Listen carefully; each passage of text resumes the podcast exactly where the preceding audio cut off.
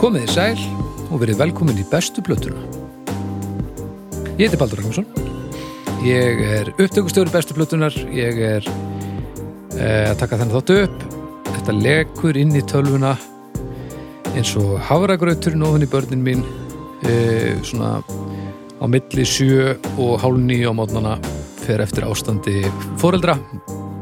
Um, það er gott. Uh, hjá mér eru þeir gestir uh, í þættinu mínum. Það eru annars vegar uh, doktor Arnar Egert, doktor í tónlistafræðum. Takk fyrir, gott að vera komin hingað. Já, plessu sæll, gaman að sjá þig að venju. Um, eitthvað dýtt? Já, sko, margt og mikið. Hérna, gaman að vera komin hérna og, Já. og ga- gaman að heyri í ykkur. Nei, ég heyri ekkert í ykkur. Gaman að, að, að vera komin hérna og geta tala við og ég sjá engan þeirra eh, hlustendur okkar Já, já, nei, nei, nei. sem þurft að býða í viku vegna óviðræðanlegra ásaka. nei. Í- Já, Ég veit að fólk er æst núna. já. Uh, talandi um hérna, orsakir mm -hmm. uh, Haukuviðar, blessaður, Blessaður. gaman að sjá þig Já, sömulegis. velkomin aftur Takk. uh, hvað séru? Ég segi bara ágætt. Heyrðu, þú hérna fegst, fegst COVID Ég fekk veiruna skæðu. þú, fegst, þú lendir í kófinu Já. til í höfull og hvernig finnur þú bragð? Já, Finnur þú lykt? já. Okay. Ég reynda að finn vanalega voða litla lykt, sko. Þannig að, Ah, ok. þannig að ég veit, veit það ekki. Hvernig var það? Þetta var bara mjög leðilegt, sko. Já. Og ég einhvern veginn gerði ekkert, sko. Ég held að þetta er hljómar eitthvað bara, samt ekkert svo illa sko. nei, þú veist, ég held þetta væri bara, að ég er ekki nú undirbúið mig vel fyrir bestu blöður það. Já. Nei, ekki sens. Nei, Að ég nú horfði okkur á bíómyndir, nei. Þú fegst hérna uh, þú, þú fannst bragð og þú fannst lykt en þú sást ekki eða heyrðir var það uh, nei. döfdumbur en, en djöfull var kvítlaugur góður Nei, ég var bara, ég var svo svona erðarlaus. Já. Náttúrulega bara í einangrun heima hjá mér. Já. Einn Í lokuðu barnaherbergi Já. og bara til þess að reyna að smita ekki annað heimilisfólk. Já, já. Það tókst, Já, sem sagt, Næs. eh, að að smita þau ekki. Já. Konan hans færði honum fiskhausa í fötu. Hérna, Já. einu svona dag. og og fór upp á þak og slakaði niður til Já. þessi svona körfu og svo svona smyrst líka Já. Þetta var mjög leðilegt, sko. Þú veist, Þetta var ein vika og þetta, le- þetta var eins og þrjár vikur. Sko. uh, en horfður enga myndið Já, gæs. hvað horfður á? horfði okkur á tvær bondmyndir og, og, og svo horfði ég reyndar á myndina My Cousin Vinny My cousin Will. Vinny, Já, Vinni, já, já, já, byrju, hvað er það aftur? það er ykkur, ykkur 90s grínmynd með Joe Pesci þetta er fyrir sjónlega sem ég sé- bara heyrt bondmyndirnar er að segja en ekki, ekki Já, þessi já, já. sko en, en já ok og, þannig að já það verður líf og fjör í Þorskerbygginu Já, bara, ég, ég var mjög söktur sko út af því að eh, ég hefði viljað fá þetta viku setna því að þá hefði ég getað tekið vetraolimpíuleikana svolítið stíft sko já, þú meinar þetta er bara skiplarsklúður Já, á þinni hálfu veistu hvað þú fegst þetta? nei, Nei, spenna, spennandi ekki hugmynd sko Ó, þetta er þessi heimur, strókar ha. Já, En það er gaman að segja þið hér uh, aftur og lífi. Já mér, mér ekki bara, fyrst og fremst bara leiðilegt að hafa eigðilagt rönnið ykkar sko Já. Já, já. en það hlaut að koma að því eitthvað, eitthvað tíman Að, að þú myndir eðilegja eitthvað. ég bara Fyrir okkur. að þetta rönn Já, ég meina, myndi já, eðileggjast já, já. sko Já, það er- bæði, myndi ég segja. Bæði. er nauðsynlegt. úrslitið bara í tvö ár og svo fæ ég hérna- þetta já. Blessaða verdu. Þetta er, þetta, er, þetta er allt í góðu. já. Um, Fyrst eitthvað hattuspósta eða eitthvað svoleiðis? nei, nei, og þú veist við getum alveg ljóstra því upp hér að það var, það var ímislegt rætt og alls konar uppástungur sem að já, já. voru íhugaðar en fyrir mér að vera að taka eitthvað svona zoom uh, útgáfu af þessu dæmi sko Já, það er bara pínu eins og að horfa á einhverja bíómynd sko eh, tekna upp á videokameru í einhverju kínversku bíói sko. já, já, já, já, já. Ha, já, já. mér finnst hlustendur eiga betra skilið en, en, e- eitthvað frat Já, ég meina þó þið sjáuð, eh, sjáuð það ekki þá, þá heyrið augkontaktin til dæmis, þú veist, Já. þetta er mikilvægt sko. já, já, algjörlega, algjörlega. Fyrir utan það ég náttúrulega nætti alls ekki að mixa sumröddina þína, það er illa fucking pyrrandi. já, En hér erum við konir og nú slum við hérna að fara að- að gera hluti, við erum, við slum tala hljóðkirkjan, hún Já. rúla náttúrulega bara viku eftir viku. Heldur högtir betur. Högtir, já, við, við- nú er þetta fjórið þættir. Dómstæður er komin í pásu, við vorum bara lentum í mannaklu og tímarækki og, og ákvaðum frekar en að gera þetta illa uh, vikulega þá ákvaðum að gera Gera þetta þetta ekki, vikulega uh, þar til við getum gert þetta aftur vel. Ég held að það sé bara nákvæmlega saman við ákvaðum í síðustu viku, þannig að það, það er gott og blessað en það kemur mjög orðið dómstæður uh, kemur nú ekki aftur, þannig að við sjáum til hvernig það gerist. Þetta eru þá fjórið þættir í viku það getur bara að tekka á þeim eins og og bara upp á einn spýtur mm svo er það samstarfs aðilar uh, bestu plötunar já, já það er uh, Rocksafn Íslands Roxan í það Rosísna Hva? já, Roxafn Íslands já, já, við erum í Reykjanesbæ Já, já. og við er, ég er auðvitað gríðarlega stoltur sem Íslendingur já, að við séum með þetta fallega og flotta og, og metnaðfulla og vel uppsetta safn. já og þú þú, hmm, þú fílar rock Ég, ég fíla rock, mér þú ert finnst mjög svona rockari, er það rock, ekki? jú, fíla rock, Mér finnst mjög gaman á rocktónlist. Já, já. Alveg- Það er eitthvað við bítið sem heilla mig sko. Já, já, það er eitthvað í þessu Það er eitthvað í þessu, það er eitthvað svona, það er svona taktfast og, og, og hættulegt, þetta er hættulegt. þetta er nefnilega, er stundum mjög hættulegt En, en, en það er ekki hættulegt að fara í rocksafnið. sko. alls ekki, Nema að þú myndir brenna núna af því að það er svo mikið, hérna, svo mikið svona snjór veður. Já, Já, svo já, mikið já. snjór. en það er nema þú lappar inn og tala ekki að hátt svona já, hljómar, þeir eru ofmennir já, það er að stór hættulegt var það mjög hættulegt. um, en pæliði hvað þið fyndi hvernig tónlist tónlist sem var svo hættuleg er ekki hættuleg í dag Nei. það er, svo, það er svo fyndið að alltaf setja sig í hugarheim einhver sem heyrði til þess að ramaskítar í fyrsta skiti af því að þetta hljómar ekkert eins og hætta í eyrum okkar sko en Nei, nei. þetta hefur náttúrulega bara verið djöbla gangur sko þetta er bara, bara sveitaball með Ómari Ragnarsinni það hefur bara verið eins og bara Cannibal Corpse nákvæmlega ég veit það þetta er bara svona þannig að það er gaman, mjög gaman einmitt að fara á safnið og kynna sér, fara svona í gegnum söguna og, og, og sjá hvernig þetta hefur breyst af því að grunngildi og svona grunnkvatirnar gagvart rocktónlist og poptónlist í gegnum tíðina eru það sama eru það sömu sér sett Já, já.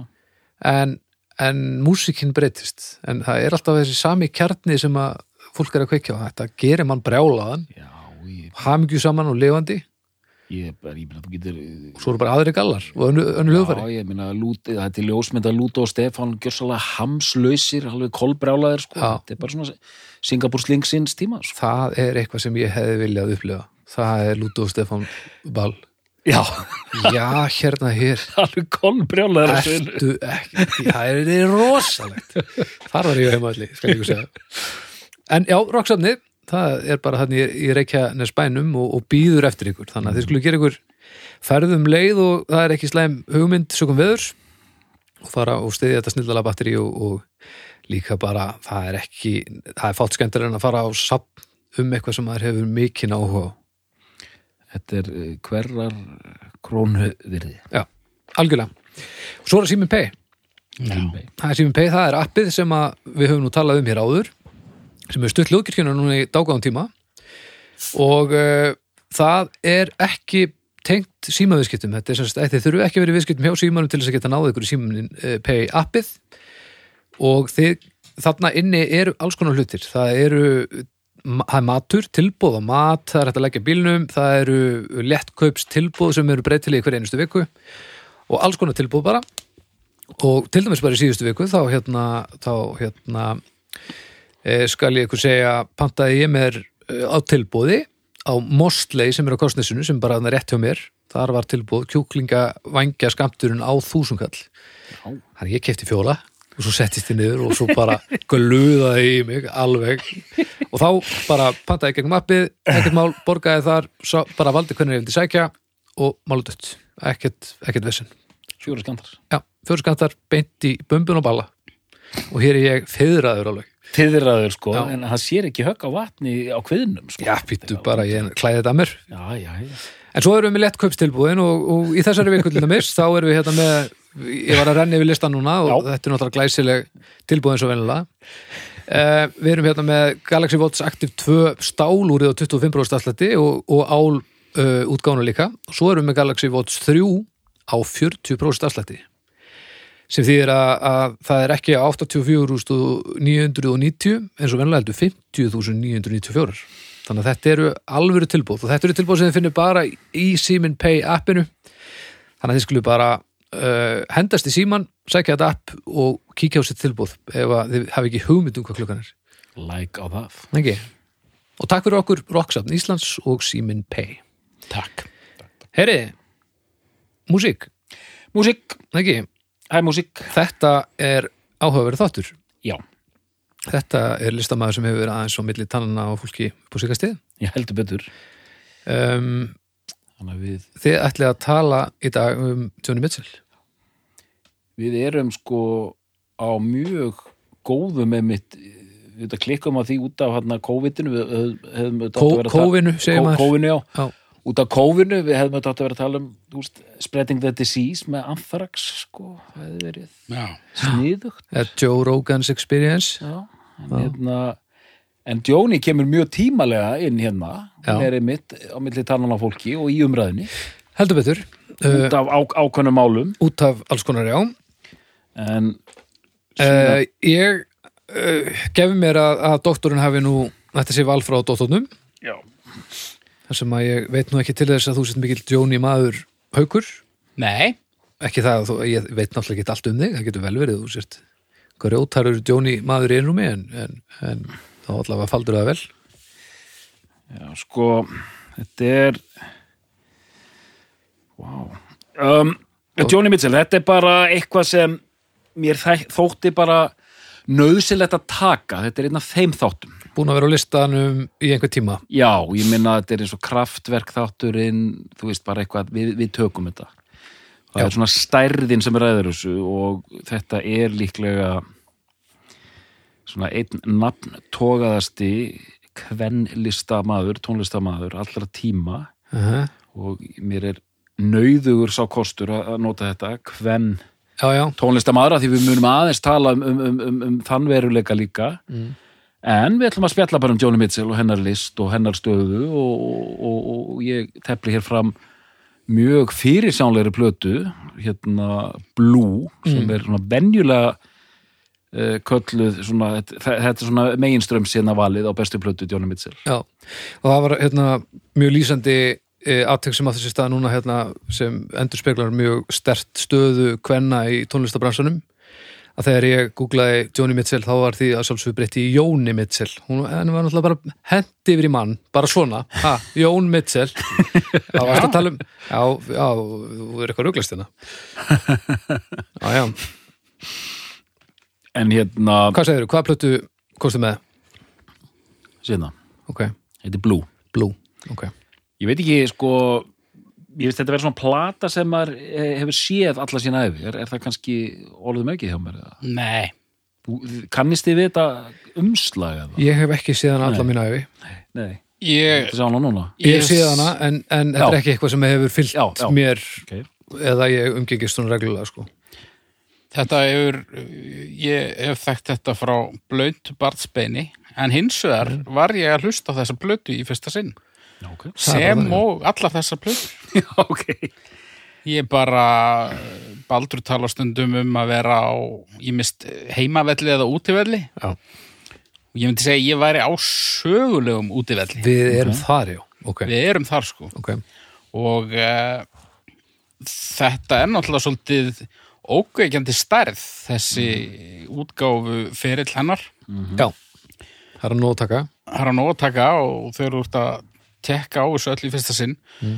Og ég, ég hugsa að þau séu bara, ég geti talið þau á fingurum mögulega annara handar, lögin sem að ég þekkti sko. Já, Ok, En ég þekkti samt uh, sándið ágæðlega. já. Það er svona rata til þín í gegnum ímsa kanala vantilega. Já, Eh, sannilega. Bíómyndir og... Það er aldrei merkilegt, ég ætla bara að segja það strax. Að mér finnst það mjög merkilegt að miða við hvað hún er risastór.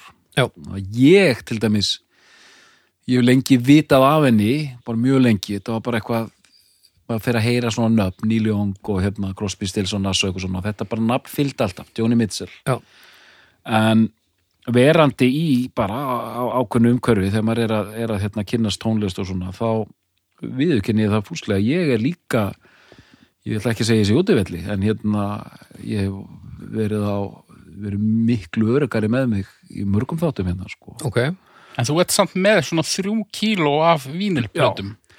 Af því þetta er Já. bara, já, það hefur eiginlega bara, já, þetta hefur verið að gerast í rauninni bara, ég myndi segja kannski undanfæri svona fimm ár, þá svona fór allt í einu áhugin hjá mér að aukast ok, og það er að alltaf að fjölga greinum og umræðum um hana sem einhvern, hérna, svona höfuðsnilling ok sem hún, hún á inni fyrir því öllu saman en það er bara þetta er að fljóta meira á yfirborði sko Ok. þannig að hún er að verða svona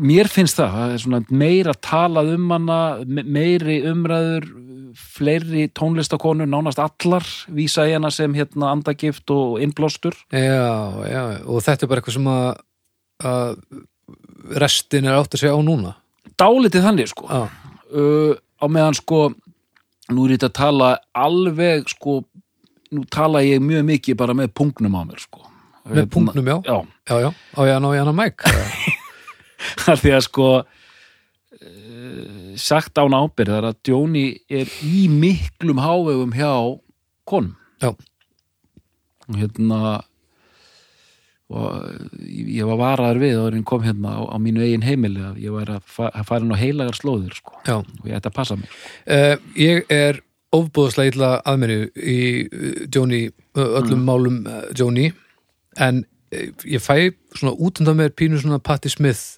vibe hvernig uh, konur tala um hana já, sem En er, það- þá sem er bara eitthvað svona sérstandandi legend gyðja s- já, og, og sem, sem svo mikill svona hvað ég segja forsprakki Já. fyrir konur í Já. þessari yðin sko já, já, svona algjör brautriðandi Já, og svona fokkit elementið Já, svolítið. já, já, Fokkit algjörlega. elementið sé svona svipað það er gríðalega mikið punk element bara í attitúti Mætti ekki Allt kalla hárrétt, þetta- allt mætti ekki hárrétt. kalla þetta frekar fólkit elementið.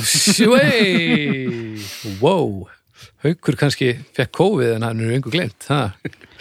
þetta er alveg hárétt sem þú ert að segja Baldur þetta er, Já. hérna, þetta er alveg hægt að líka þeim handan tveimur saman sko. Ok, og uh, og þú veist, við getum hendinn, þú veist Ella Fitzgerald og hérna Já. þú veist, einhverjum svona uh, hérna Billie Holiday og einhverjum svona risar mm. en Emmett Patti sá svolítið um pöngið og hún, þegar Johnny Mitchell er að koma fram þá er hún þetta bara umkringt þú veist, það er Beatlandar og Stones það er Cream og, og, og Jimi Hendrix og það eru vinir hennar hérna Crosby Stills uh, Nass og Young já, en það var alveg ljóst alveg lengi að þe- þe- hér færi mjög hæ- hæfileika ríkur tónlistamöður já, góðu hljóðfærarleikari, góðu lagasmiður og með rosa presens mhm, það er alveg ó- ótrúlega hérna klippa bara á YouTube þar sem hún er að syngja mhm, og þeir standa hann í kringum hana Stephen Stills uh, Graham Nass, David Crosby allt risar í músík og þeir eru bara eins og leikskólastrákar já, við liðin á henni svona klappa með umlega að meðan hún bara sko dundrar sér í, í- þú veist, með kassagítarinn og bara tekur alveg sviðið sko. já, já, já, Þú veist, og með rosalega söngröld líka og, og fyrir því sem gítarleikara er, er mikið hérna tiltekin sem uh, hérna algjör svona brautriðandi gítarleik mhm, tímamóta gítarleikari hún mhm, var alltaf með svona opnar hérna, óttum tunningar, já já, alveg bara endalust á opnum tjúningum sko mhm, hún gæti aldrei sko dottið í, hún þurfti alltaf að spila lögin frá byrjun sko já, bara, heyrðu, getur ekki farið aftur í viðlagi nei, ég, ég get það ekki, ég þarf að s- spila lagið bara alveg í gegn já, ok, og svona náttúru bara þar og hérna, en, þú veist, aðrir vita betur en ég, en bara hérna, Kr- hérna Kristján Eldjárn heitinn og hérna Gummi P voru með útvarsþátt bara sem voru að fara yfir gítarsnilli Djóni Mitchell já, já, já, já, Þannig að það er margt þarna, en, en, en haukur, nú, nú þarf þú að koma inn, inn, inn með eitthvað, ég er búin að bladra og bladra og bladra, sko. Já, En þú varst þetta- til í þetta, haukur. Já, ég meina með þetta þá hefðu við getað tekið þáttinn tveir í síðustu viku, þannig að þú verður nú að gefa eitthvað að þér hérna. já. uh, ég var eiginlega ekki til í þetta sko en svo þegar ég byrjaði þá var ég til í þetta Æja, en þess að þetta þetta er þetta er ekkit rosalega svona þetta er ekkit ólsegur biti sko nei, nei nú er ég ekki að segja að þetta sé ykkur, ykkur, ykkur fróða, langt í frá en, en mér fannst mikið af þessu skemmtilegra heldur en ég átti vona og þar er mitt sko þegar þau voru að tala um Patti Smith þú veist, það er, það er pínu erfitt dæmi fyrir byrjaða, hérna. já, ja, mér hefur fyllist það mm en þetta r- rennur ansi svona ljúfulega niður ok og uh, já sko þetta er líka minna svona glatað hipparusl heldur Já. ég hér. Já, já, já, já. þetta er náttúrulega bara hippatímin alveg, hvað fyrsta platan hvað, 60 og- Sjöði mann rétt já þannig að þetta er þetta er eh, á háréttum aldrei til að vera eitthvað sem að sem ég væri ekki alveg að kveikja á sko en hérna með þetta skemmtlegt og uh, ótrúlega gaman líka einhvern veginn hún er að gera svo mikið með svo fáum elementum já, þú veist það er bara eitthvað lag sem að þú veist, það er kannski bara hún og piano Já, já, nei mitt og það þarf einhvern veginn ekkert meira nei, og þannig tónlist hún verður oft svona uh, sest bara þarna í bakgrunin einhvern veginn mm. en mér fannst það yfirleitt ekki þarna sko En eh, hvort var þetta, fannst þetta verra en þú átti von á, betra en þú átti von á eða bara svona fyrirsjónlegt? miklu betra og miklu, Ok. miklu skemmtilegra sko Já, ok, ok Já. en sko, hún fæðist 43 Já. uh, hún er frá Kanada sé ég Mhm. uh, við, veitum við hvernig hún byrjaði að spila fyrsta platan er 68 Ég var ekki þetta aðeins kannski Já. Bara og, á, á svona sæmilir hraðferð sko Já.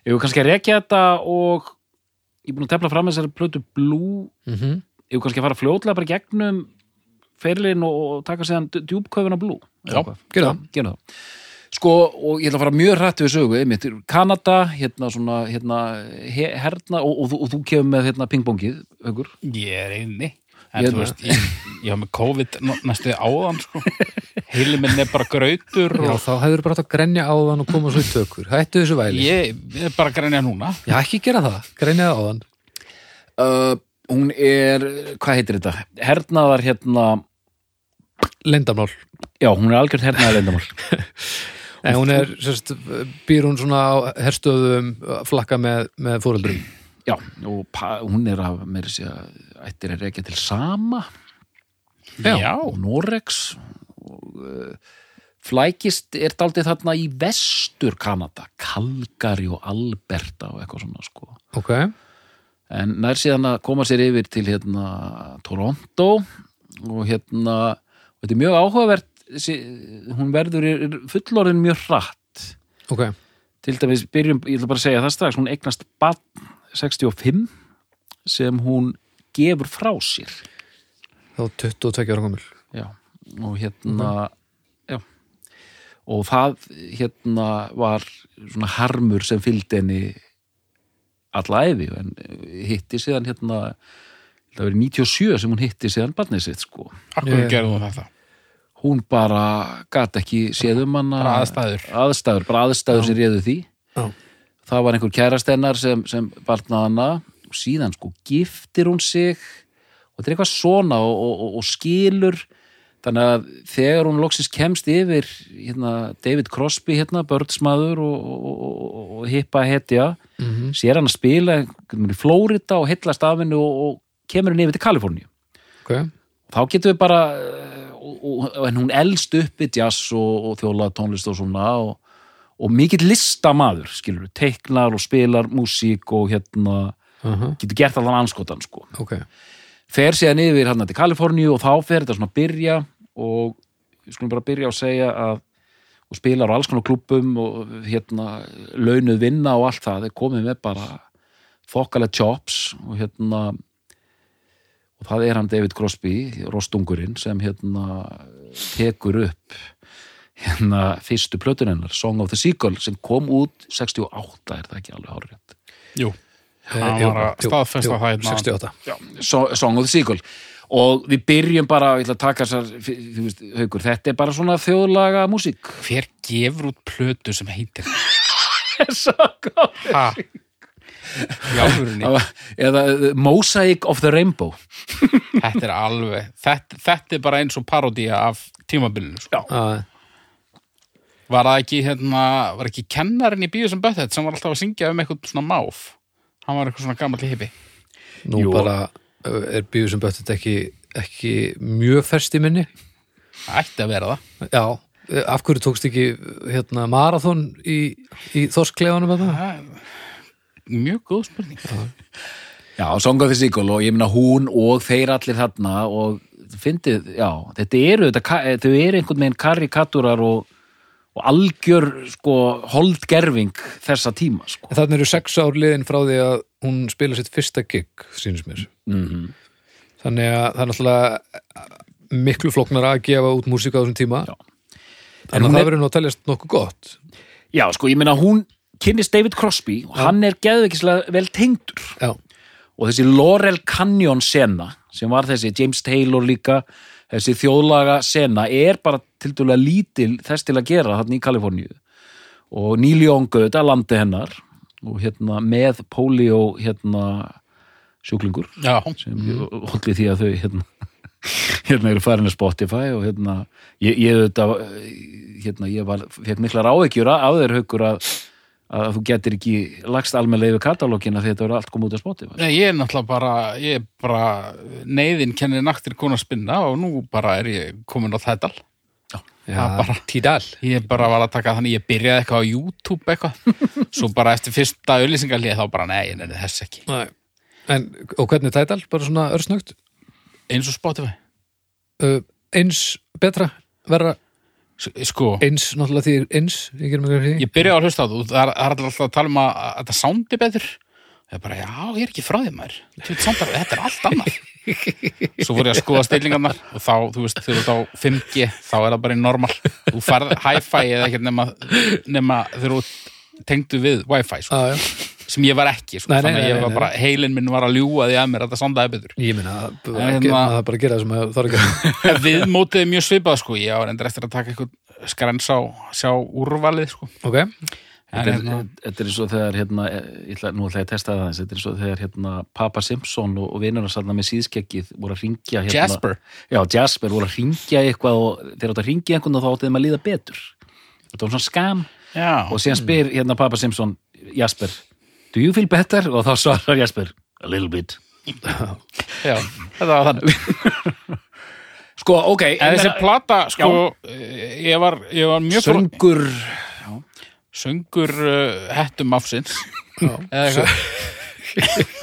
söngur hættum á sig já Ég- ég hérna ég ég náttúrulega bara sá hvað fyrsta platan hét sko og ég, ég var, var bara arfa villus fylltist af fordómum en þú veist, þetta þetta er ekki sko þetta er ekki sama hippa söllu og ég held sko Nei. Hún, þetta bara eldist allt freka vel strax hann í byrjun bara, já, Já. mér finnst þessi fyrsta plata þú veist, eh, er ég í ruglinu þar mér fannst Nei, nei. hún bara svona ekkert tímalaus beint en já, en hérna en það er náttúrulega það sem þessi lástemda hljóðfæraskipan og, og útsetningar gera, þú veist, þetta er ekki hérna fifth dimension hérna 60s uh, bilunin, sko nei, nei, nei þetta er bara, Nei, Crosby heimtaði, einmitt, þetta er bara rödd og gítar og ekkert annað Já, E öll platan, Já, öll plata. við erum þar, já ok, Og þarna 68, þá er mjög mikið í tísku að gera alls konar tilraunir og Já. prófa alls konar. Og Hann bara, nei,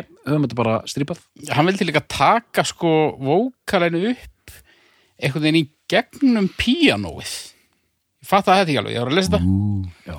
einhvern veginn að- einhvern veginn, uh, einhvern veginn að setja mikrofón einhvern veginn inn í píanó eða eitthvað svona kjartaði sko. er ekki bara að nota píanuhörpuna sem einhvers konar reverb á röddina það gæti verið og það með setnaðist sko. en, en hérna, Já, góð saga okkur ég, ég verða ég Kom verða með að eitthvað. segja frá því sem ég veit sem það er er samt ekki pínu- mikið sko. Ef þú ætlar að fara í gegnum með þátt með því að segja frá öllu sem gerist ekki þá náttúrulega Jú, þetta gerðist, hann, hann reyndi þetta Já, en þetta gekk ekki. Ok, ok, fyrirgeðu. Þetta gekk Skilið, skilið. En hérna, já, fín plata já, já, og svona, ég myndi segja sko þetta, þetta, er, hljó, þetta er svona venjulegt eh, ekta svona Kaliforníu þjóðlaga element en þetta er samt mjög gott Maður heyri, ég myndi segja að maður heyri strax að þetta er ekki engin sko. venjulegu tónlistamæður Nei, og maður heyrir, maður heyrir þessi sex ár sem að tók hann að að komast þarna, sko Og það er eftir þessari plötu tekið þá eða...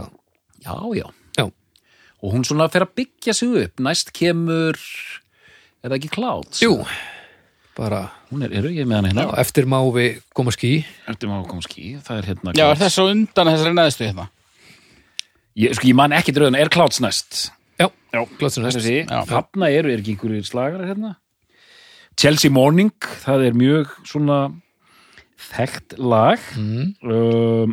og líka hérna Both Sides Now sem er hérna ballaða eftir hana, heyrist í Já. henni henni vinsælu kvikmyndu Love Actually Já, um, og Clouds er bara svona, hún er svona heldur áfram og, og, og, og þessar fyrstu þrjár finnst mér dálítið áþekkar, það kemur hana Ladies of the Canyon og þetta sko, er ég sá að fyrsta platan hún lakin á US Billboard uh, var í sæti 180 eitthvað held ég mm -hmm. við, tjast 189 svo strax á Clouds hvernig gengur mér að- að nota hann að síma hérna uh, strax á Clouds þá erum við að tala um hún fyrir í 31.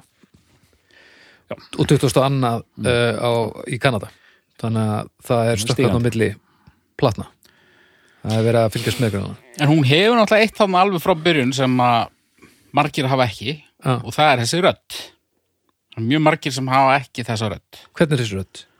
Þessi rödd á þessum tíma allavega er rosalega svona björt og há Já. uppi einhvern veginn og hún hefur eitthvað geggja kontról á henni Mm. Er þetta, erum við með, er, er þetta Kate Bush hátt uppi svona, Mm. eða er meiri Bosmi í röðinni eða, Ég myndi segja Ek- ek- ek- Nei, e, ekki við erum ekki hérna uppi í efstu, nei.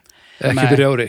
En rosalega Hvernig getur bara svona náttúrulega bjart og Já, og, og mikið svona túlkun Fattar þau Svona löngunar fullur rödd Bara já, svona já, rosalega svona Svo þennan Chelsea Morning sem er bara svona frekar hefbundið kassageta lag hún bara, hún syngur það svo rosalega að maður er bara hérna já. Menna, þú, róleg þú, þú, þú heyrið að þú ert að hlusta á þetta þá heyriru að þetta er það sem Alanis var að hlusta á já, já, já, já, já, já, ok, ok. sem er væntanlega aðdóðandi og síðan hérna já algjörlega sko og Ladies of the Canyon er hérna Big Yellow Taxi það er hérna, ég ætla aðeins að syngja það hérna því að þú, þú, þú mynd þekki það baldur Ok, Pray for a man, put on a parking lot já. Frábært. Frábært já, núna er ég Pave kom, paradise, put on a parking lot að, ég kom með röddina núna, já, þetta er, Tókuð þetta ekki hún hérna Sil Kró líka? Sil Kró? Jú, jú, jú hérna. var það setna, ekki? já, jú, jú, já, auðvitað setna, Baldur. Tal, tala, talandi meistara sko ha. Já, og hérna þú veist Russell Crowe, tók hann þetta ekki líka, örgulega um, Ellefinni nákvæmlega. En ég byrju, þá erum við sko í rauninni og bara, hún, hún er að vera þekkt og, og þú veist, Já, þekkt ennett stökkið greinlega, ég er bara aðeins að horfa á listana, þannig er hún komin yfir til Bretlands, áttundasætti UK albums og komin til Ástralía fyrir að taka eftir þessu, þannig að hún fyrir náð fjóra svona stóra lista með þessari þriðu. Og þarna líkur stormasömu ástarsambandi hennar við einstakling úr þessum Laurel Canyon gaurum hann það. klani Ok, Var það ekki, var það Nas? Það var það Stills? Sko, ég held að Nas, ég held hún sé að syngjum Stills á Blue, Ok, en hún og Nas höfðu, held ég færi rétt með, það getur verið þessi vill að segja á mér, höfðu átt í mjög hérna svona eh, tilfinninga þrungnu, Mm. bara ástríku sambandi, Já. Mhm. stuttu, var, það var bara eitthvað rosalegt sko og þegar Graham Nass er að lýsa því í viðtölum maður bara eiginlega finnur til með görnum sko það var bara svona hann sagði ég hef aldrei verið svona ástfangin á æfinni sko já, já, og hann sagði bara þú veist, við sátum saman heila nótti og Jóni vorum að syngja saman og spila saman og þetta er fullkomnasta nótt lífsmins og sem maður, þú veist, þe- þetta getur maður sagt sko þegar hann er 19-20 ára eða hvað hann var nú gammal sko. já, já. og Graham Nassar, þetta, hann er englendingur hann kom yfir til bandaríkjana og hitti hann að Crosby og Young og hérna og Stills, þeir voru allir amerikanar sko. Já, já, já, já. Young og þetta Já, kanadamaður hann er, hann var bara frá Manchester sko, og er frá Manchester, Stephen ennþá? Stills já, Já, og er ennþá og hún er ekkert batnað Nei, honum er, hann er ekkert að ná þessu sko. Nei, nei, en hérna eh, já, eh, sko Stils, já, Stils, hún er að syngja um Stils Já, þetta er svona break-up plata sko ok og og þetta er fjóraplatan, já Já, hún var ekki mikið að leita út fyrir þessa þessa fólk eh, dela nei, nei, nei, nei, nei þannig er og hún og James Taylor í einhverjum smá sambandi líka sko, og þú veist, þetta er- svona svona er þessar senur sko, en, hérna, en þessi plata og þetta er plata sem þetta er alveg einstök plata í hennar hérna, diskografíu, af því að þetta gerði hún aldrei aftur af því að platan er bara eins og eitt blæðandi hjartasár sko. e, já Gerður aldrei, aldrei fyrir þetta og aldrei sí- eftir þetta Nei. Já Og af hverju gerður hún þetta ekki eftir af því að lentum bara, bara var hún búin að þroskast upp úr þessari útgáfu af, af ástarsorg eða, já, ég meina eða bara mér finnst sko þessar fyrstu þrjár sem eru allar þannig alveg hægt að tengja það við eitthvað Já. mér finnst stökkið frá þeim yfir í þessa Já. mér finnst það alveg sakalegt sko Ok. eftir þessa, strax platan og eftir þessari þá svona fór hún í róleri gýr Já. en bara þe- þegar þú ert á ákveðnu staði í lífinu ert í mikill ástafsorga hvað það er þetta er bara plötur sem þú getur gert einu sinni sko og þetta er ekkit ósvipað og hann að Vulni Kúra platan hennar Bjarkar munið þetta fréttum í kringum hana mm -hmm. þá var nú nýhætt með honum Matthew Barney hérna, Já, og Vulning Kúra fjallar bara um það og er bara svona hvað heitir, svona hugflæði reynt hugflæði sko, Já, þar sem já. er bara verið að semja lögin nánast í rauntíma sko já, já, og bara verið að díla við þessar tilfinningar og, og síðan sko, það er svona alltaf hægt að hlusta á þessar plötur aftur en það er, það er hægt að hlusta á þessa aftur og aftur já. Og Þetta er bara- bara svona rá, Já. ráar tilfinningar rosalega hrátt og rosalega svona mikið sagt og allt bara nakið, það er bara allt sagt og það, þetta er ákveðin nánast sjandra sko, þar sem Ég meina það er að gera þetta heiðalega já, það er það er bara ótrútt að það sé hægt Haukur, sérðu fyrir þér að við getum gert svona plötu? Nei, en sko Það er ég, alltaf, maður verður alltaf að hafa stjórnina þannig að það myndi finna, finnast sko hlustandi myndi finna fyrir því að þetta væri ekki hr- alveg ekta held ég, ég upplifu þessar plötur endur ekki alveg svona en, en, en Ok. Mhm. það sem ég las það rýmar alveg við það sem þú ert að segja en ég hvað upplýður þú þetta bara sem stuðplötu eða eitthvað, ekki alveg en, en, en þú veist þetta er ekki drungi og, og Nei. emd sko, satt bara langt í frá hún er já, já, hérna bara ótrúlega melodísk og bara skemmtileg lög einhvern veginn en er, er uh, myrkur yfir efnistökunum eða er þetta bara svona þú eru að vanga- spyrja einhvern sem hlustar á texta sko, já, já, já, já. Mig grunar að þar Þú veist, er þetta al- almenna vangaveltur og eitthvað svona uppgjur á einhverju sem þarf að vera búið eða er þetta, er þetta söknuður og, sæ- og særindi sko? allavega ekki öll lögin sko, Nei. sum lögin eru bara svona mála einhverja svona Já, já, já, stemningsmynd af, af hérna fallegum degi í, í, á ströndinni og, Já. og eitthvað sko, fyrsta lagið, All I Want það er svona setur þetta aldrei niður þar sem hún segir meðal annars hérna hérna I'm on, a lon- I- I'm on a lonely road, lonely road and I'm traveling, traveling, traveling, traveling looking for something, what can it be oh, I hate you some I hate you some, I love you some þú veist Já. þetta dæmi all I really, really want to, I love to do to, is to bring out the best in me and you og hérna mér langar til að prjóna handa þér peysu og eitthvað svona og bara og, og þetta og, og hérna og, og hvernig þetta er flutt og sungið að maður er bara á bríkinni sko, þetta er fyrsta lagið á plötinu, Já, já, maður er bara já. hérna ok og svona hún byrja kannski einmitt frekar intense Þetta er, hún er blæðbyrðaríkar en þetta Mm. platan sko og það er hérna lagið River sem hefur verið notað dálítið sem jólalag Já. hérna uh, Oh, I wish I was a river that I can sail along Din, din, din, din, din, din, dun, dun, dun, dun, dun ok ja, Kannastu þetta lag? Þetta er síðast klugnarljó.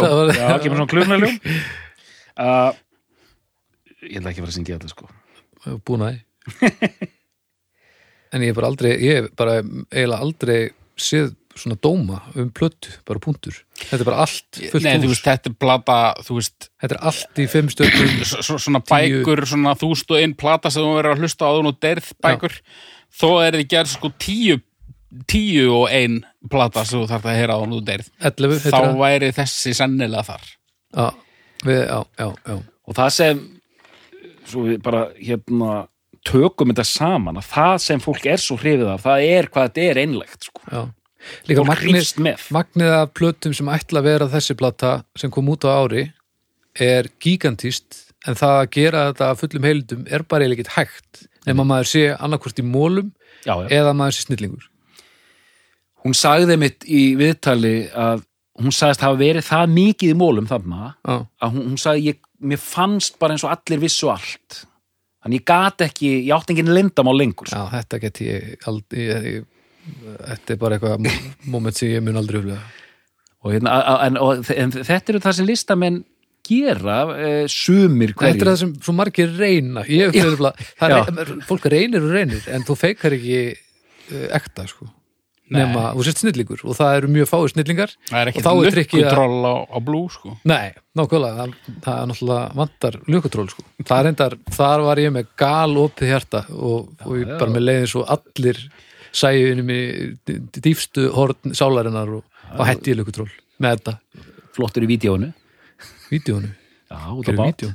Já, já, já, já, það var já, ertu að tala um að hafi ángistarinnar Já, já, en maður fær það aldrei á tilfinninguna þegar að maður er að hlusta á þessa plötu að þarna sé listamaðurinn að hugsa sko þetta er masterpiece mitt nei það er það sem ég er að tala um, þú feikar þetta ekki þú verður að vera í rusli Mhm. Já, eða snillingur ég, ég- ég held Eða án bæði. þess að ég viti það að, að fyrir henni hafi þetta bara verið næsta plata já, já, algjörlega sko Já, og svona hvernig myndi ég hérna It's coming on Christmas They're cutting down trees They're putting up reindeer and singing songs of joy and peace Oh, I wish I had a river I could skate away on Hefur heyrt þetta, þessa melodi?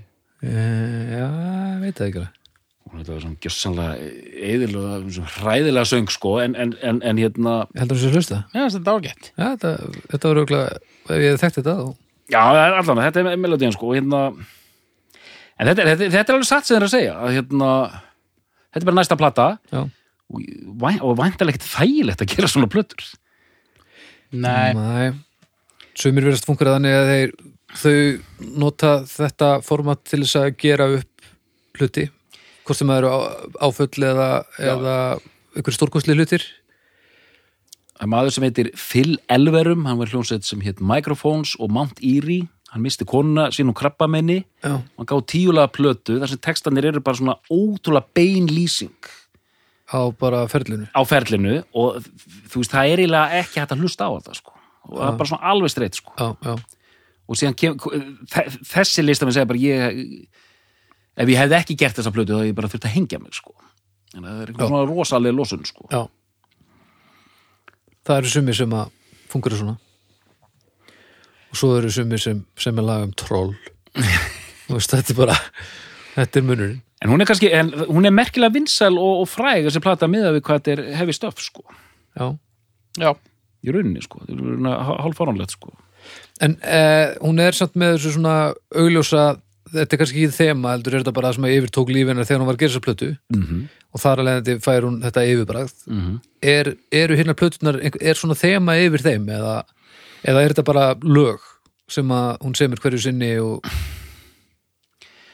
já, hún var, auðvitað, var aldrei svona intense aftur en, en, en, en alltaf svona já, við þurfum eiginlega bara að segja frá plötunum sko. Já, ég upplifi þetta meira bara svona sem, þú veist, uh, eitthvað svona hljóðrænan mun skilur setna á ferlinum þá, Já. þú Já, veist, þá eru meiri útsetningar á sumum plötum og, og fleiri hljóðfæri og svona en, en hérna já, ég, ég náði ekki alveg að ég náði náttúrulega ekki alveg utanum þetta Nei, nei. í þessu fyrsta rönni En það sem fyrir að gerast núna eftir, næsta plata eftir var hérna, hvað heitir hún? Forður Rósis? Forður Rósis, já. Forður Rósis, sem mér finnst vera bara svona eh, bara eins og sé verið aðeins að koma aðeins að lenda Já. síðan og eftir Forður Rósis kemur Nei, ég meina, þetta er ekkit öðlegt fyrsta raun, sko. 68, Song to the Seagull, Já. 69, Cloud, 70, Ladies of the Canyon, 71, Blue, 72, Forður Rósis. já, þetta er Eh, Hanna. dælir eins út sko, allt gott, allt mjög gott Uh, en þetta var ekki einu svona þú veist, þetta voru engin tíðindi á þessum Nei, árum nei, svona nei. var þetta bara Já, já. Uh, Kort, Kort en Spark. Kortinsball, 74, líða tvö ár þarna á milli, löt. þá byrjar hún að fara að læða inn sem fer að taka sér niður næstu plötum ef við tökum 70-sið, að- þá fer hún að læða inn meiri jazz Já, og fer svona aðeins að stretsa sig sko fer, Já. að, fer að fara aðeins frá þessu þjóðlaga elementi alveg er sko. hún með þess grunni í spilamennsku eða bara áhuga, eða veist, Já, áhuga, áhuga. ekki, ekki, ekki hún hún hlustaði mikið Já. og, og hérna, það, það er bara það sko Já, ok. og þá kemur mjög merkileg plata eftir hérna Cortes Bark sem heitir, er það ekki The Hissing of Summerlones Já, rétt. Ári Og- síðar. hún er eh, sko pælarafnir sko ég er bólur í þessum þætti af því að bólinir velja blú en Bólinir þeir sem velja þykjast vera eitthvað klárir þeir nim- hafa til dæmis stilt þessari fram maður sá, voru bobbingar hérna inni Já, hérna hér. já, já, hann fyrir að toppa bólin sko Já, já, já, þetta er- já, þetta eru bobbingar það er ekkert annað. um, hvað segir þú haukur? Ég, hérna, mér varst þessi blada skemmtilega sko já, Ég hérna uh, hefði stöf já maður sá, hérna að- annað lagið er svona afríst tjant Ok, The Bara- Jungle Line. já, Jungle Line sko, mjög sérstætt lag og hérna Edith and the Kingpin, eru við með Edith Piaf, bara, er hún bara alveg þar eða? ég hérna satt að segja sko, þetta verður eins og þessi plata, hún verður dálítið svona hún á það til, þessar plötur verða dálítið flæði sko, Já, já, já, hérna er James Taylor ennþá bara upp á dekki en það er bara ekki flott hérna, uppleift hérna karakterinir já, sko á, geggjað umslag á öllum þessum plötum að mér sýnist, fram, allavega fram að þessari, er hún skráð eins sem pródusent. Já. Hún er bara alveg með þetta. Já, hún er alveg með þetta og Já, hérna, það er, og næstu plötu kemur inn ekki á fyrstu Mellur.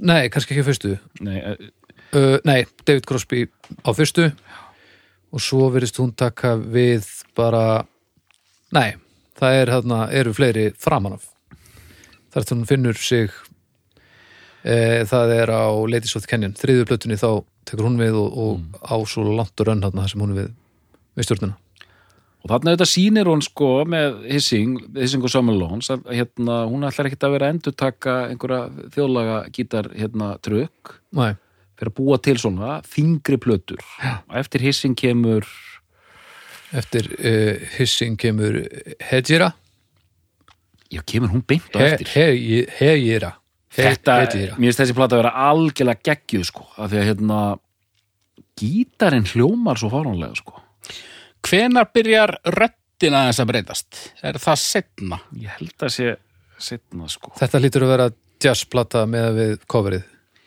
nei hérna, þetta er og fyrir ykkur hérna gítarleikar er þetta aldrei merkilegt að hérna tókst eftir þessu að svona gítarinn er svona ekki tvang, heldur svona rosa ekko á honum eða þegar þú segir það já, svona ekko og svona smá króm fílingur Ekko er einmitt ekki þegar þú segir það það er aðeins eftir þú segir það Já, Eða, þú veist, gítarinn hljóma dálítið eins og litirnir og, og, og stemningin sko. svona kuldalegur króm svona bergmálsgítar einhvern veginn ok, og svona, svona gítartilrauna plata og svona rosa sérstakt svona atmó á henni sko hvað ár kemur þessi? 76 og bara já hún semur eitthvað geggja dæmi sko. hún semur eitthvað af lög, þessum lögum fyrir þessa plötu þegar hún er að ferðast sem meðlumur í Bob Dylan's Rolling Já. Thunder Review Tour Já, hún sagði sko, það er engin píanolög á plötuna því að hún var samtöld lögin bara með gítar hérna í baksætinu sko.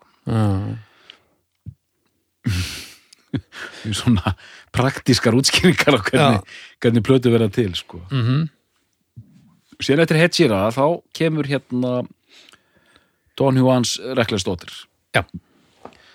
Þá var ég myndi að láta mig dreyma um það að, að, að haukur væri hálf döður og COVID að reyna að lýsa hérna jazzsýrunni á þessari plötu hérna í gegnum Zoom sko. já, já, já Já, þannig erum við, þetta er sko fjórða platan á fjórum árum, hún tekur þarna eitt ári pásu frá 68 Já. og til 77 þá er þetta bara einu ári fyrir utan uh, 73 og þarna er hún fann að taka bara mjög djörf skref það er 20 mínútna lag á plötunni og það er jazz síra þarna og það er bara alls konar rugl í gangi og, og hérna já, og þessi plata færi þetta hérna svona misjafna dóma getur við sagt já, ég sé það hér Jaco Pastorius uh, spilar hér á bassa í já, Jakob Pastorius slatta Djöfur hljómar það eins og eitthvað morgunkotn og núna eru menn einfaldlega að keppast við að endur skrifa söguna sko. það er alltaf verið að, ég er alltaf að sjá fleiri og fleiri greinar um, um, um þetta 70s Johnny, hvað þetta sé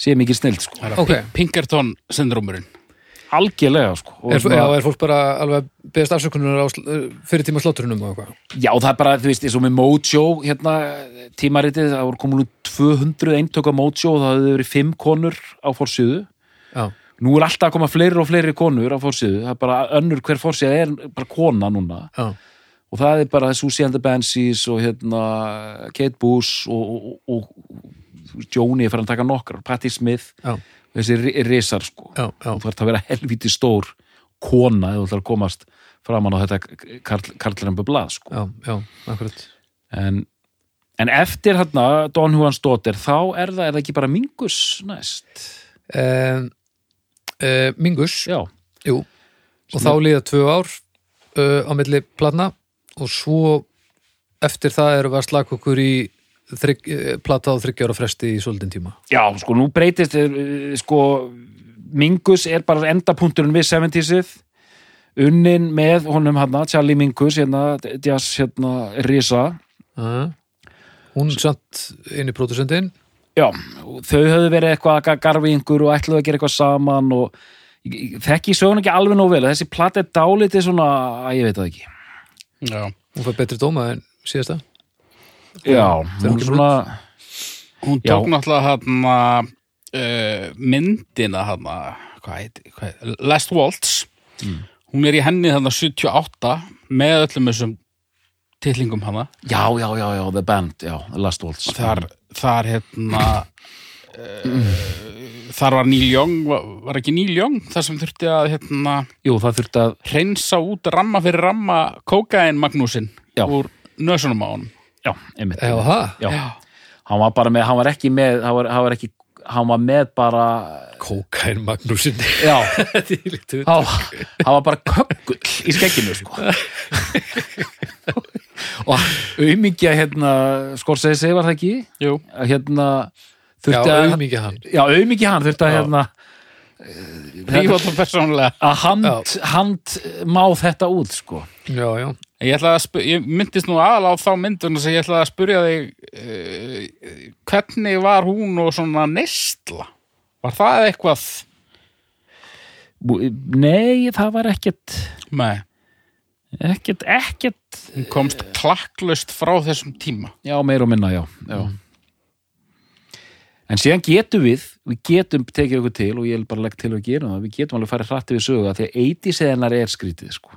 Já, ok Þá er ekki, Ég, nú fyrir ég í upptalningu og þið komum með, með snögga punta já, Wild Things Run Fast, það er 82 þú veist, það er bara verið, þetta er, og ég, ég hérna, ég hef svo sem ekki mikið um þessar plötur að segja, ég ætla bara að segja að hún er á þessum aldri, hérna, að hennar fólk og hennar kynslu kom öll venn, svona, að mestu leiti illa út úr eitisinu, alveg sama hver það var.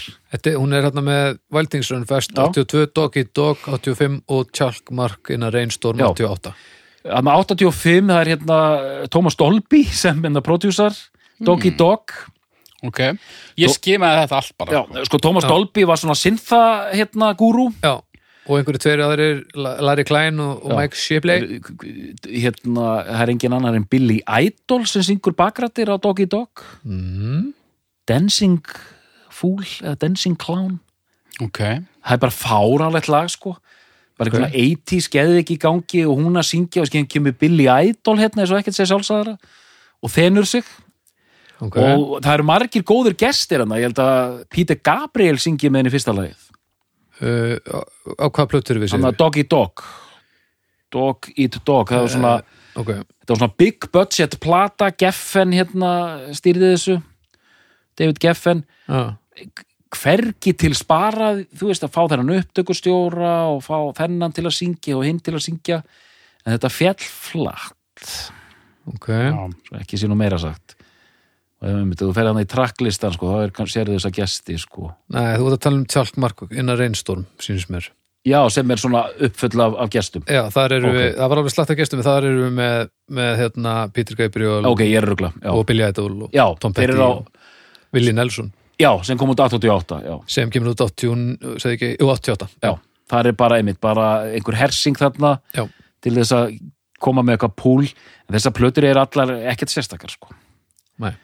og restin skulum aðeins vera hrættið þessu, kóttu bara með tillana Já, eh, hérna, Night Ride Home er 91 já ágætt uh, Turbulent Indigo hún fó- fékk mjög góð dóma en ég þekki hana lítið sjálfur 94, augljóslega besti tillin Taming the Tiger já, uh, 98 og svo erum við Both Sides Now 2000 Ah. mhm, Travelogue, já, 2002 Travelogue 2002 og svo líða 5 ár og Shine. þá kemur Shine sko, 2007 eina sem ég vil segja um þetta og loka hér með trantinn um, um, um þessar plötur er að þessar Both Sides Now 2000 og Travelog Já, eru með svona hérna, sinfoníu útgáfum af lögunum hennar ok, og þær eru, þó þetta líti ekki vel út á pappir, mjög flottar ok, bara það er eitthvað, það er einhver galdur þar ok hitt, hitt skiptir minnamáli uh, En ég vil samt koma inn á það að þessi nýjasta plata 2007 Mhm.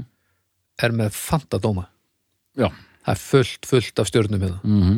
uh, og ég veit ekkit svo sem hvað er á bak við það en, en heilt yfir þá bara mjög mikil gleði, síns mér En þú veist, eins og þú segir bara mikið af þessu fólki það hérna lendi vandræðum hérna á nýjunda áratugnum. Mhm.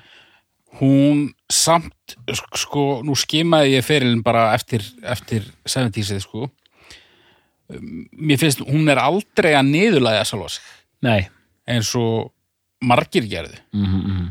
Já, og hún hérna, það er ekkert að þessu handónýtt en hérna en, en þetta er bara svona, nei James Já. Taylor spilar á, á nýjustu plötunni já, Nei, einmitt, og ég meina það er ekkert uh, Eitt lag. Það er alveg rétt sem þú segir, Haukur, að því að sko hún- að l- lögin hennar einhvern megin og röddin, þetta stendur alltaf, sko, stendur þetta alltaf af sér, sko Já, einmitt, enginn af þessum 80s plö- þessar 80s plötur eru, jú, jú, með þessar með einhvern 80s draug yfir sér kannski en e- a- ekkert disaster, sko hvernig er ferillin hjá henni? Þú veist, e- er hún, verður hún ristór og byrjar að túra og er hún túrandi meir og minna bara Hún túraði þetta aldrei mikið, bara 60s, 70s og alveg fram í 80s, sko túraði, mikið og er það bara bara rökkrett þegar hún þreytist á því lífverðni þá fer að líða eins og milli platna en þetta er eitthvað sem hún er að halda fórum að gera Já, en hún svona þarna, þe- þegar þú ert komin í- inn í 2000 þá hún, hún, hún lísti því yfir að Bóðsæts ná og, og Travelog væru síðustu plötunar hennar já, og hún bara svona hún er einhvern veginn svona, hún, hún er svona lifandi góðsögn uh, nýtur ómældrar virðingar já, og eru þetta eins og margir listamenn eru með eh, hérna sínar tiktúrur sko búin að vera alveg sæmilegt reklús undanfærið en það hefur hún líka strýtt við slæma heilsu ok okay. heila blóðfall fyrir fimm ára síðan mm. e, komin í hjólastól sko já, ok, og svona hún var fyrir fimm svona- árum já, fyrir fimm árum fekk hún heila blóðfall sko. ég sé hérna nefnilega Years Active 64 til 2002, já, gott rönn 2006-2007 sem þá gerir hún þessa síðustu plötu já, já. og svo 2013 hvað var, að- vitið þið hvað það er? sko ég man ekki hvað þetta er hún, hún, hún er búin að vera virk í, í, sko, í pólitík, umhverfispólitík og einhverju svona sko hefur samþygt ákveðna hluti, það var að koma út einhver bók, uh, nú er byrjað að fara að gefa út svona hérna, sapplötur og sapkassa og svona. já, Uh, og hún er sk- sterk að þýleiturinn til hún á alla tónlistina sína, sko. já, já, já, með, já. hérna, þannig að hérna en, en ég hef einmitt sko m- mér hefur fundist bara þessi virðing fyrir henn og umtal um hann einmitt bara vera að vaksa sko, það er svona ég veit ekki hvað ég er að reyna að orða, það er eins og fólk sér að líta tilbaka bara heyrðu þú veist, þetta er bara miklu, miklu betra heldur en fólk var að taka eftir á sínum tíma sko Mm. eins og til dæmis hérna eh, þú veist þegar þessar 70s blötur er að fá svona blendna dóma sko, síðan er bara verið að taka, taka þær upp aftur og bara já, herru, þetta er bara geggja stöf sko. En Þetta er engin smávegis listi að yfir hérna, fólk sem hún hafði áhrif á, áhrif á. Já, Við það- erum það er- ekkert að grínast með það. þetta er þokkalu uppdaling sko. Nei, menn þetta er svakalegt. já, Við erum alltaf með Björk hérna heima, Já. svo erum við alveg með frá bara eh, Kanye West, Janet Jackson, Já. uh, Courtney Love og, og svo erum við með einmitt a, hérna, Alanis Morissette. já, uh, við erum með uh, við erum með hérna Tori Amos Miss, uh, James Blake og svo Prince, Frank Turner mm, mm, við erum með svo bara Seppelin sko, já, já.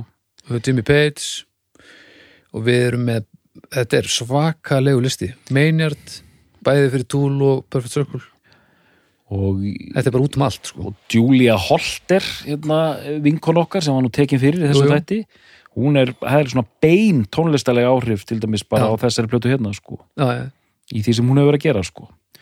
en ég held að hérna að mér líð já, mann líður svo fáranlega að tala um þetta við erum minna þrýr kallmenn sko, að, hérna, en maður tekur alveg eftir því sko, hvað e, hún hefur mikið vægi og gildi fyrir e, hérna, konur í tónlist Já. ég held að það sé alveg bara, ég getur sagt það bara hart út sko mm en ég meina, er þetta ekki líka bara svolítið svona uh, byrtingamynd þess sem að við erum alltaf að tala um þetta svona uh, þú veist, það er hort tilbaka og, og virðing hennar einhvern veginn virðing fyrir henni ekst er það ekki bara svolítið um rosalega mikið af hvern artistum þessa tíma að, að einhvern veginn heimurinn er að horfa tilbaka og bara vá, af hverju af hverju pældum við ekki aðeins meira í þessu mm. á En- svona tíma En með, með að við hennar lista þá er fólk á öllum tímum að hlusta á hana og Já. verða fyrir áhrifum. Já, já. Þannig að það er ekki það að, að það hafi enginn verið að pæla svona mikið í þessu.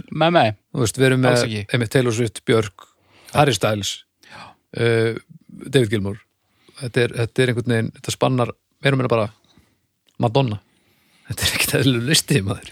En svo náttúrulega líka bara þegar fólk kemst á ákveðin aldur þá bara þá eh, einhvern veginn fá heimsins mestu lúðar jafnvel, hérna, loksins virðinguna sem maður, Ekki á þessu lefinu, svo. ekki á þessu leveli kannski en, þá segir fólk, þá færðu mér að klappa á baki og bara, já þetta var nú fín plata hjá þér en fólk er, er ekkert endilega að en, en hjóla meina, í það viðtöl er með það, aðeins að dettin meiri segja með minn mann Billy Joel sko. ég held að hann er alveg síðastur til að fá sko. eitthvað nei, nei hann til með sér, hann er það klár, þó hann sé algjört erki fokkin fíbl þá er hann með sérstöðu úst, bara þetta sem hann var að gera með söng á þessum tíma og, og náttúrulega bara hvað hann var anal skilur já, já, en, en, en það má færa rauk fyrir því að hann hafi ekki notið tilhlýðilegar virðingar á svona í, í ákveðnum kreðsum fyrir en núna það var líka bara þegar hann var svo mikið fokkin fíbl maður Nei, já, já, já, hvað hefur þú kannski, farið á interil með honum?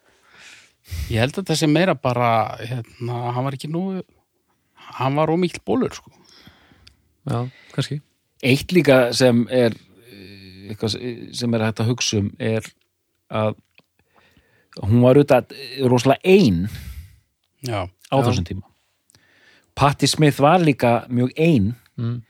það er hafa engar hérna, stuðnings hérna, það er ekki menn eitt klúb í kringu sig og mér finnst þess að ég hef stundu lesið viðtöl þar sem er, það er bara sagt hreint út ég hefði verið til í að hafa einhver til að stiða mig, bara í kringum mig eða einhverja fleiri fyrirmyndir sko. Já Hún er tekin inn í Canadian Music Hall of Fame 81 mm. uh, fær ekki stjörnu á Kanadas Walk of Fame fyrir en 2000 þannig að það virðist að hafa verið virðing en svona kannski ekki á ekki sett á þennan stall sem hún átt, átt að vera á fyrir en setna en það er nú yfirleitt þannig, þú veist já, já, það er einhvern veginn ekki fyrir en að, að fólk eru orðið eldra sem að þú veist, þú getur ekkert getur ekki tekið einhvern sem að gerir stórkostlega plötu 22 og bara fara að glöða einhverju stjörnum en það er bara með mig það er svo að því, það, er, það er svo margt sem er hægt að klúðra myndi ég held að það væri það er svo leiðilegt að þurfa að taka stjörnum já, það er mjög hættulegt sko. já, En það- en það svo er bara kemur í ljós bara hérna, hún borðar risapöndur og eitthvað En það er mjög sérstætt að horfa tilbaka ef, ef, ef, ef við förum hann á 1970 sko, þar sem hún er ein og segjum svona 50 kallar í kringum hana, segjum það já, og hérna þú veist og þetta eru flest aug og eru, eru þá á köllun bara út af þessum bara númerunum sko já, og hérna eh, þú veist, þe- þe- þetta stórhættulega hugtak þegar maður tala um kvóta og svona og ákvarðanir Mm. bara eins og þegar músitilunir taka bara ákvarðun nú ætlum við að gera þetta svona og hins einn sko Mm. það sem er knúið áum þó er, og þetta er mín kenning Mm. að um leið og fjölgar konum í að gera þetta hversu illaði vel sem það gera það mm, þá eru yngri konur komnar með fyrirmyndir eða eitthvað fyrir framan sig sko já, sem er síðan hægt að herma eftir, fá innblástu frá þú þarf að vera með eitthvað lið í gangi sko. en það sem að fólk er að en það sem fólk er að, að taka frá henni er er basically allt sem hún er að, að setja í þetta, það er, það er söngurinn, mm -hmm, það er spilamennskan mm -hmm. og að mér sýnist er hún almennt talin eitt stórkostlegasti lagasmiður já, uh, bara, þessar, bara allra tíma reynilega. og attitútið sko. og attitude bara, já, já, Bara- já, ég sá að Madonna hún talaði um það Já. að þetta veri fyrsti kvenn performerin sem svona gjörsanlega náði henni 11 ára eða eitthvað. já, þannig að þetta er þetta er allt bara hún er bara, hún er snillingur og svo var hún í mólum og þá fáum við plötu eins og hún. já, já, já, já það er, ég minna og færi þessa hreinu list Já. sem er svo dásalegt sko, þegar maður heyrir svona hreina tónlist sko, sem bara fer beint inn í hértað sko. Já. þetta sem að er búið að vera í gangi núna það sem hún er að taka tónlistina út af já, Spotify mm. uh, í kjölfærið að Neil Young uh, og Joe Rogan dæmi allt saman hvað segir mér um það og maður hefur séð klapp og skýtkast og, og allt þetta mér finnst mér finnst mjög óeðlilegt ef að hefði ekki að minnst okkustu nokkrir gamlir hippar tekið músina sín út á Spotify út af þessu já, uh, hverju það skilar veit ég ekki en uh, ég, ég skil ekki að þetta fari fyrir brjóstið á nokkrum sko fólk getur rausað um hérna, tjáningarfrelsi og allt það já, en hérna eh, ef Neil Young er fúll á móti og vill taka dótið sitt út á Spotify þá gera hann það bara og ef að einhver ætlar að halda því fram að hann hafi raunverulega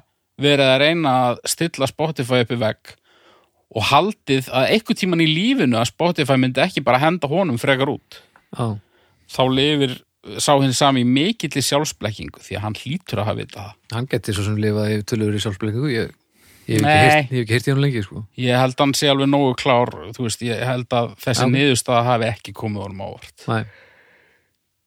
já en nú ert þú búin að velta þessu mikið fyrir þér þessu, þessu máli Já, hérna, mér fyndi sko að því ég er alveg sammála þegar eh, svona, svona fréttastormar sko, þetta er svo Já. hjákallætt alltaf maður er búin að gleyma þessu síðan, sko, viku síðar sko já, ég er dregin hann inn í einhverju skólastofu í Háskóla Íslands og, og látin segja eitthvað sko já, og hérna, og sem fyrir allt, allt, allt, allt á hliðina sko málfrelsi og allt þetta dótari sko já, ég veit sko mér svo- þetta- hún er að svinga með eh, landa sínum og, og, og sam polio hérna sjúklingi sko og bara já já ég meina þú veist, ég skil alveg punktin hjá þeim sko þú veist að, að það er alveg hægt að stilla upp Tidal og Spotify og öllum stórfyrirtækjum upp sem vélaverki djöfulsinn sko Mm. og hérna þú veist, einhverju punktar einmitt bara bla bla bla, fá ekkert borga og jara jara jara en þetta er bara svo miklu miklu flóknara mál líka sko já, með Spotify sko, það, er, þú veist, það er ímislegt þarna, þú veist streymis tekjur heilt yfir eru alltaf að aukast sko Já. þannig að hérna, þetta er flóknara sko Þetta eru líka ekki tveir risa artistar að kúa Spotify til að taka út litlamannin þú veist, Nei, nei. að nota stærðina til þess að, að hérna, svína á einhverjum öðrum Já, já. Nei, ég þetta náttúrulega, eru, þú veist, ég sá ekki að þetta hefði verið, var þetta portreyjað þannig að af ja, hann, einhverjum já, hann sagði reyndar það, þið, annarkvort hann eða ég, Já, en ég upplýði það samt sem bara statement að því að það var aldrei vafamál hvernig þetta myndi enda. já, Þetta er en ég meina, svo það sagði, meika líka alveg sens út af því að Joe Rogan er mi- í, í dag er miklu vinsælli heldur en Neil Young sko. skilur Já, já. og en, en, en ef þetta hefði verið öfugt þú veist, Já, ef já. þetta hefði verið listamaður ef það hefði verið eiginlega alveg klárt að þetta hefði, þú veist, virkað Já, þá hefði það kannski verið svínslegt það hefði verið mjög hættulegt. þá hefði þetta bara verið hérna Demustein að að pína eitthvað festival til að taka Rotting Christ út af billinu þannig að það var alltaf að fara að vera niðurstaðan þar Já, og akkurat. Demustein vissi það Djús, síðan er bara að fyndi að fylgjast með fólk Æ, mústar, helvits mústarurinn. að þú veist, þetta þetta er svona ég var að velta fyrir mér svona að- þetta er alltaf svona handvalið siðferði sko fólk æsist upp sko og þú veist, já, nú er ég hættur á Spotify og þú veist, en, en og fer, fer við það sama kannski inn á YouTube eða Facebook sem er alveg jafn- hérna hörmuleg fyrirbæri sko. En það að hún hafi gert þetta, heldur þetta hafi verið til að styðja við bakjóð honum eða er, er þetta bara statement frá henni? Bara, hún er bara sammála? Ég held þetta sé og ég veit það ekki en, en ég ætla að koma með eina kenningu ég held jafnvel þetta sé svona mjög persónlegt statement frá henni af því að ég las Ok, að hún sagði sko ég stend með hérna, Neil Young, vinnu mínum og, og hérna og því að Spotify sé að standa fyrir því að uh, hættulegum upplýsingum sé dreift og sé að valda því að fólk sé að deyja já, þannig þetta, ég held þetta komið þaðan sko. þetta sé bara, Gamla, bara reynslu, já, já, og bara þú veist það hefur aldrei mælst í dag hérna mislingar og þessar hérna, sem við allir vorum hérna sprautaði fyrir bak og fyrir þegar við vorum eins og tveggja ára já, já, það hefur aldrei verið minna bólusett við þessu já, núna út af hinnu umræðinu sko. já, já. þannig að þetta er algjör síra sko. En í gegnum tíðina hefur hún verið að- að að tjá sig mikið um mál líðandi stundar. um, mér hefur fundist hún vera freka falin hérna Er það val eða, eh, svona, hvað segir maður svona sérvitringur hérna fannig séð, vibes sko Já. sem stígur hún fram oft með sagði að Bob Dylan væri bara jólasveitn og hérna stelið þjóður stelið þjóður? já, sagði hann bara, að hann væri, ekkit, hann væri plagjarist sem sagt, höfunda stuldarmaður Já, höfundarétta stuldarmaður og hérna, og hann væri ekkert orginal og, og eitthvað svona, og hún bara leti þetta flakka og var ekkert að svara fyrir þetta að fylgja þessu það er bara orðið alveg drull. og bara já og hérna og, þú veist, hún er nánast í stöðu til að sko bara segja þetta og maður svona já, þú veist eh, hún bara ræðist þarna á kongin og hérna, og hún kem, bara kemst upp með það sko. Menna, Hérna, hún, Kanadabor komast upp með allt já, já, já, já. Heyri, við ætlum að fara að slaka okkur í uppgjur. Mm. Haukur, Já, við skulum byrja á þér. herru já, ég uh, ég hefði nú viljað leggja meira til málana en, en ég er bara ég er að fara að velja þessa sömu plötu og það var eiginlega aldrei neinn spurning sko. Ok, rendur í gegnum, uh, þú skeimaðir þessar síðustu blöttur.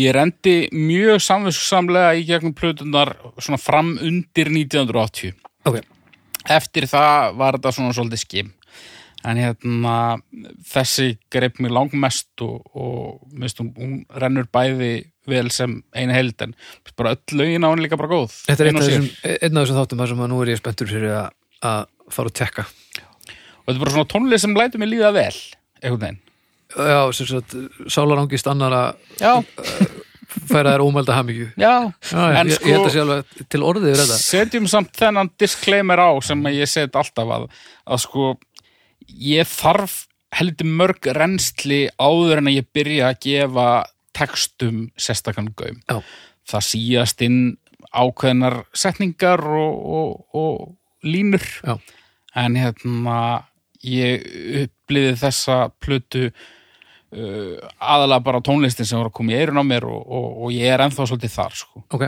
kannski er eitthvað mjög ógveikjandi undir húdinu sem að en núna þegar þessi þáttur uh, er að taka enda, myndu setja þessa plötu áfram á fónin Já, absolutt. Þa, þetta er þannig? Já, og, og fleiri þarna í, Já, ok, ok en, en þessa alveg klálega, sko. þetta, er sérst, þetta komið það mikið óvart Já, ok, og bara gaman. Þú, það er ekkert, maður heldur alltaf að maður sé svona, maður sé búin að að skema svona það helsta og, Já. og, og sumt en maður er að geima til betri tíma og svona en, en þetta bara var alveg hérna gaman að eiga þetta áfram svona svolítið inni já Dóttor?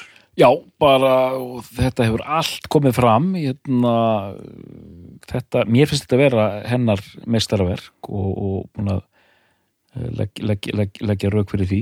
uh, og ég er á, þannig heimili kona mín, hérna, hlustar mikið á, á, á, á tónlist og hlustar mjög mikið á Johnny Mitchell. Já. Þannig ég er búin að heyra þessa plötu alveg í drepp, sko. Ég er búin að hlusta á hana alveg endalust, sko. Kann hana bara, þú veist, utan að, sko. Já. Og hérna, og hún er all, alltaf jafn, einmitt alltaf þegar maður setur hann á og og fyrsta lagi byrjar þá svona þú veist, maður rekku við sko. Já, já. þetta er bara svona alltaf svolítið svona intense byrjun sko og síðan bara svona flæðir þetta alveg þetta er bara geggjaðstöf og við, við stelpunna vorum bara að hlusta á þetta núna áðan ré- rétt að hann fór á stað en að hérna bara gaman að geta að fjalla hans Jóni Mitchell þann mikla mistara í þessum þetta Já Þannig að, Dóttor er þetta besta plata Johnny Mitchell? já, Haukur, er þetta besta plata Johnny Mitchell? Já Við þakkum fyrir í dag og við heyrumst að viku liðni